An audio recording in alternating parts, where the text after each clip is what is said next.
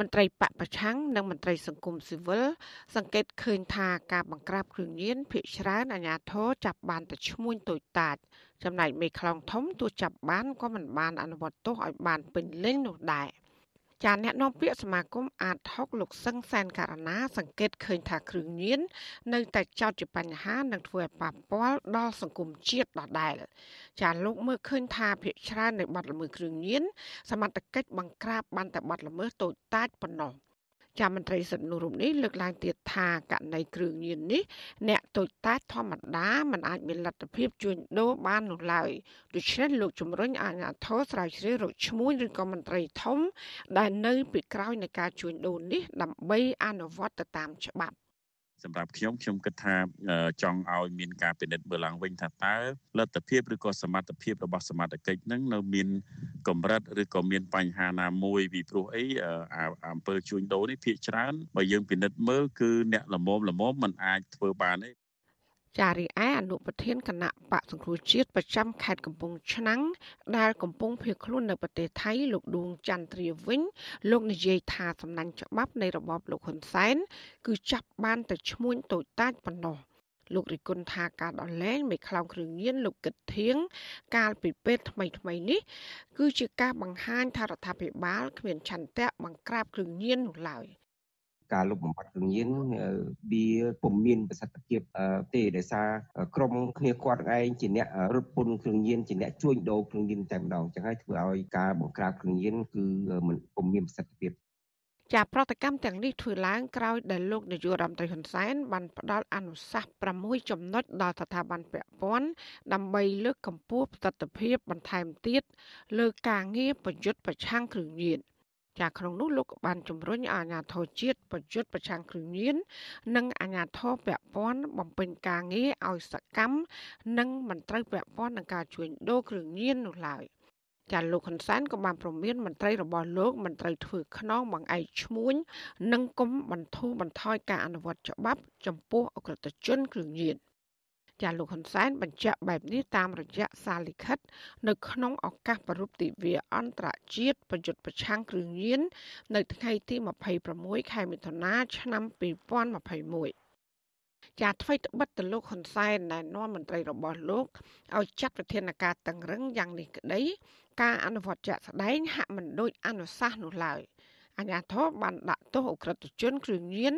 ដែលជាអ្នកមានលុយមានអំណាច មិនសមនឹងទម្ងន់ទោសហើយថែមទាំងបានដោះលែងពួកគេ ដោយស្កាត់ស្ងាត់ថែមទៀតចាជាទើហោម្ចាស់ក្លឹបកំសាន្តរ៉អុកញ៉ាគិតធៀងដែលជាប់ចោតក្នុងសំណុំរឿងគ្រឿងញៀនជិត50គីឡូក្រាមនោះត្រូវបានតឡាការក្រុងភ្នំពេញផ្ដន្ទាទោសដាក់ពន្ធនាគារតែ4ឆ្នាំប៉ុណ្ណោះ ចានៅពេលសំណុំរឿងនេះទៅដល់សាឡាវតូតឡាការជាន់ខ្ពស់មួយនេះបែរជាកាត់តម្រឹមទោសឲ្យលោកគិតធៀងជាប់ពន្ធនាគារតែ2ឆ្នាំខណៈទោសដែលនៅសល់ត្រូវព្យួរហើយសាឡាវតូក៏បានសម្រេចដោះលែងអ ுக ្រិតជនរូបនេះដោយស្ងាត់ស្ងាត់ចាក្នុងរយៈពេល2ឆ្នាំនៃការអនុវត្តទោសនោះ លោកកឹកធៀងជាប់ឃុំក្នុងពន្ធនាគាររាជធានីភ្នំពេញពេជីប្រមាណជាកន្លះខែប៉ុណ្ណោះ ចាប់ផុតពីនេះលោកបានទៅរស់នៅក្នុងបន្ទប់ពិសេស VIP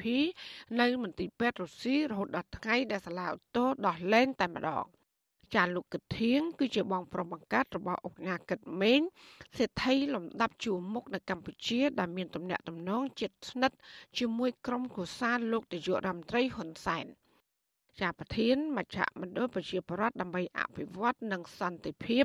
លោកយងកំឯងយកឃើញថាដើម្បីអនុវត្តអនុសាសន៍របស់លោកហ៊ុនសែនឲ្យបានជោគជ័យអាជ្ញាធរត្រូវស៊ើបអង្កេត ចាប់ខ្លួនមេខ្លោងគ្រឿងញៀននិងអ្នកនៅពីក្រោយនៃការជួញដូរគ្រឿងញៀនចាមន្ត្រីសង្គមស៊ីវិលរូបនេះយកឃើញថាការបង្ក្រាបលើអ្នកជួញដូរតូចតាច គឺมันអាចទប់ស្កាត់ការជួញដូរគ្រឿងញៀនឲ្យមានប្រសិទ្ធភាពបានឡើយ។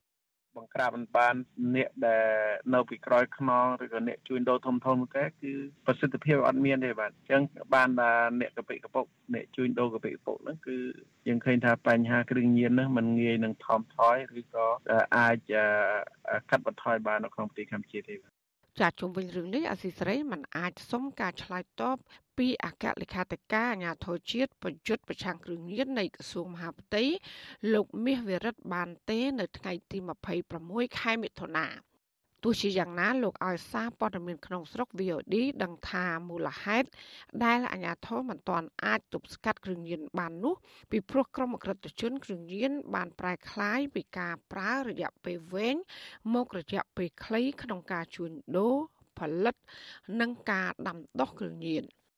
ចាទោះជាបែបនេះក្តីមន្ត្រីសិទ្ធិមនុស្សលោកសឹងសានករណាជំរុញទៅសមត្ថកិច្ចឲ្យបង្កើនសមត្ថភាព ដើម្បីឲ្យទាន់ការវិវត្តខ្លួនរបស់ក្រុមអ ுக ្រិតជនគ្រឿងញៀនទៅការបង្ក្រាបនេះទទួលបានជោគជ័យ របាយការណ៍របស់នាយកដ្ឋានប្រឆាំងគ្រឿងញៀននៃក្រសួងមហាផ្ទៃបង្ហាញថាយ៉ាងហោចណាស់មនុស្សជាង20,000នាក់ត្រូវបានសមត្ថកិច្ចចាប់ខ្លួនក្នុងសំណុំរឿងគ្រឿងញៀនជាង10,000ករណីទូទាំងប្រទេសកាលពីអំឡុងឆ្នាំ2020ចាអង្គការសហប្រជាជាតិបានរាប់បញ្ចុះកម្ពុជា ជាប្រទេសគោលដៅនៃក្រមអ ுக ្រិតជនគ្រឿងញៀនចរាចរផលិត និងចែកចាយគ្រឿងញៀន ចាននាងខ្ញុំម៉ៃសុធីនីវិទ្យុអាស៊ីសេរីប្រធានាធិបតី Washington